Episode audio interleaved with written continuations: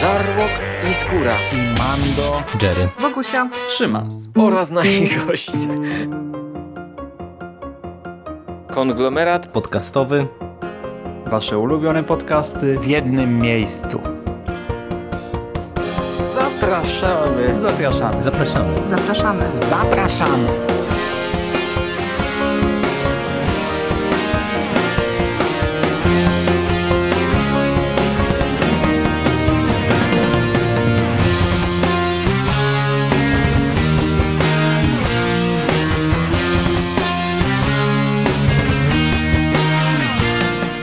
Witam w konglomeracie podcastowym, czyli na platformie, która zbiera wszystkie Wasze ulubione podcasty w jednym miejscu. Po tej stronie mikrofonu siedzi dzisiaj Szymon Szymas-Cieśliński. Cześć Wam. Możecie kojarzyć mnie z nawiedzonego podcastu i dziś tutaj również porozmawiamy sobie o pewnej opowieści grozy, a mianowicie o komiksie Książę Nocy, tom trzeci. W Polsce. Księcia Nocy wydaje Egmont. Jest to seria komiksowa stworzona przez Ivesa Swolfsa, to jest belgijski scenarzysta i rysownik. I w Polsce ukazuje się ona tak trochę specyficznie, to znaczy ta seria składa się z sześciu zeszytów i prologu, który powstał e, dużo, dużo, dużo później. I w Polsce ten prolog ukazał się jako album pierwszy, dlatego ten album, o którym dzisiaj mówię, zawiera w sobie tak naprawdę zeszyty trzeci i czwarty, bo tutaj y, właśnie te zeszyty zostały połączone ze sobą. Te zeszyty to Pełnia i Dziennik Maksymiliana. Pełnia ukazała się w oryginale w 1996 roku, a Dziennik Maksymiliana 3 lata później, w 1999 i tak naprawdę, gdy się sięga po ten kolejny album, to widzimy, że nie różni się on mocno od swojego poprzednika, zarówno jeżeli chodzi o treść, strukturę, narrację, jak i ilustrację. Struktura opowieści nie odbiega mocno od poprzednich zeszytów.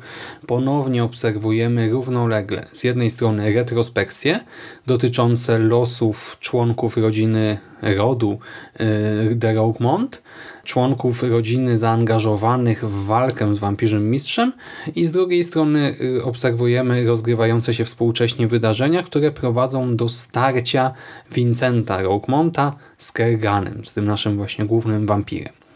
Pełnia czyli pierwszy z tych dwóch zeszytów, przenosi nas w ramach retrospekcji do Francji, do Francji okresu rewolucji i tam skupia się na Armandzie. Na Armandzie, który wątpił w istnienie sił nadprzyrodzonych, ale jako pierworodny e, syn Rogmontów musiał wyruszyć na poszukiwania Kergana. Dziennik Maksymiliana natomiast przenosi nas w czasy troszkę późniejsze, one chyba tutaj nie są bliżej sprecyzowane, a przynajmniej nie rzuciło mi się to w oczy. I nasz tytułowy Maksymilian jest naukowcem.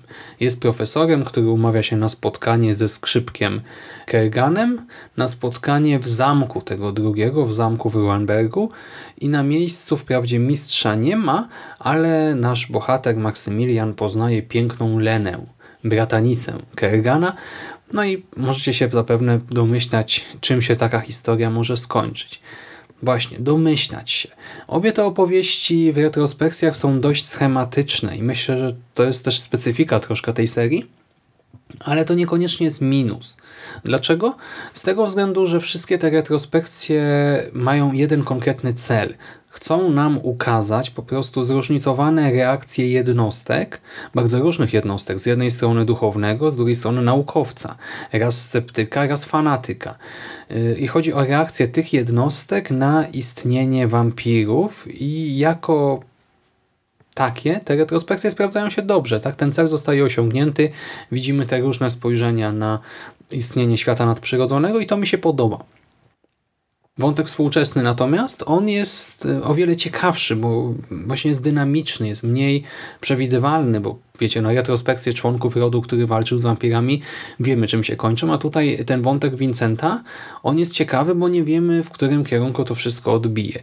Kerrigan pogrywa sobie z naszym bohaterem, pogrywa sobie z Vincentem, a ten jednak wyróżnia się na tle e, swoich przodków, różni się od nich i gdy dochodzi do konfrontacji, a dochodzi tutaj w tym trzecim zeszycie, to robi się ciekawie, robi się gorąco. Wprawdzie Nie da się wyłonić ostatecznego zwycięzcy, bo jesteśmy dopiero w połowie serii, całość ma 6 zeszytów i ten siódmy jako prolog. Obaj antagoniści jednak ucierpieli i to wydarzenie no, nie pozostanie bez konsekwencji. Tak? Nie można mu odmówić uroku, emocje, napięcie wzrastają. Czytelnik więc myślę, że będzie zadowolony. No, ja przynajmniej byłem. I teraz ten zeszyt czwarty zabiera nas między innymi do szpitala psychiatrycznego, wprowadza też kogoś, kto jest potencjalnym sojusznikiem, właściwie sojuszniczką Vincenta. Więc też robi się tutaj ciekawy, ten wątek się troszkę komplikuje i w związku z tym od strony fabularnej ja jestem zadowolony. Oprawa graficzna natomiast ona również się nie zmieniła jakoś mocno, nadal jest w moim odczuciu praktycznie doskonała. Te szczegóły, to jest to, co się rzuca tak mocno w oczy, szczegóły anatomiczne przy rysowaniu ciała człowieka, czy nie wiem, ciała konia, szczegóły architektoniczne, to wszystko wprawia mnie w zachwyt naprawdę w trakcie lektury. Tak jak, nie wiem, kilka dni temu o Deadpoolu tutaj opowiadałem, nie? No to Deadpoola się tak czyta, że no tak się patrzy na te obrazki, żeby się zorientować, co się dzieje, ale no nie zatrzymujemy się raczej na poszczególnych kadrach i nie skupiamy się na szczególikach, a tutaj wręcz przeciwnie, tutaj te detale są tym, co tak mówiąc kolokwialnie robi robotę.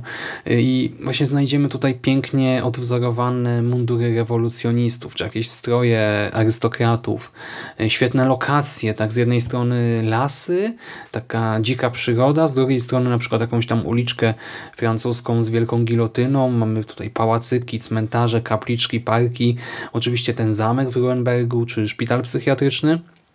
Jedno i druga lokalizacja e, właśnie w całej okazałości i z zewnątrz i od wewnątrz ją poznamy. Wygląda to niesamowicie, do tego też warunki tutaj się zmieniają. Raz akcja rozgrywa się w nocy, raz w dzień, czasem na śniegu, czasem w deszczu, więc ten komiks też od strony wizualnej absolutnie nie nudzi. Do tego pamiętajcie, że są te retrospekcje, więc jeszcze e, tym bardziej te miejsce akcji nie, i jego charakterystyka się tutaj zmienia ze strony na stronę. I powiem wam, że no to jest dla mnie naprawdę bardzo, bardzo atrakcyjny wizualnie komiks, fabularnie. Niby już to wszystko gdzieś widzieliśmy, tak w tej czy innej formie, ale podoba mi się ta struktura. Ona nie jest skomplikowana, w sumie jest dosyć prosta, ale to nie oznacza, że jest zła, tak? Mnie pasuje bardzo mocno, jest to komiks bardzo ładny, interesujący, pokazujący nam te pradawne, złe, y, nieprzewidywalne, pogrywające sobie z człowiekiem wampiry, które są wprawdzie jakoś tam ludzkie, ale ale mają tę swoją demoniczną cząstkę cały czas aktywną i to mi się podoba. Ten komiks w Polsce teraz jest dosyć drogi, bo te albumy, ten ostatni przynajmniej kosztował 60 złotych cena okładkowa oczywiście, o niej mówię, to jest dużo, zwłaszcza, że te albumy wcześniej wprawdzie były rozbite, tak, te, zeszyty, te sześć zeszytów były sprzedawane osobno, ale wtedy one były dużo, dużo tańsze, mam wrażenie. One kosztowały coś koło 15 zł, no to teraz za taki cały album 60 to jest dużo. Myślę, że tutaj Egmont trochę strzelił sobie w stopę, ale jednak no to jest ciekawa rzecz, ładna i to wydanie też jest ok, może i miękka oprawa, ale Papier jest wysokiej jakości, okładka też jest śliczna.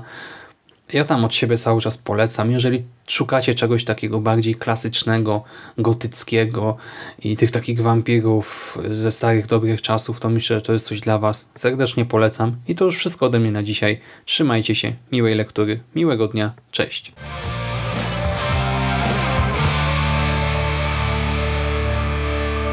Finished? That's it, man. Game over, man. It's game over. What the fuck are we gonna do now? What are we gonna do? It's over! Nothing is over! Nothing! You just don't turn it off!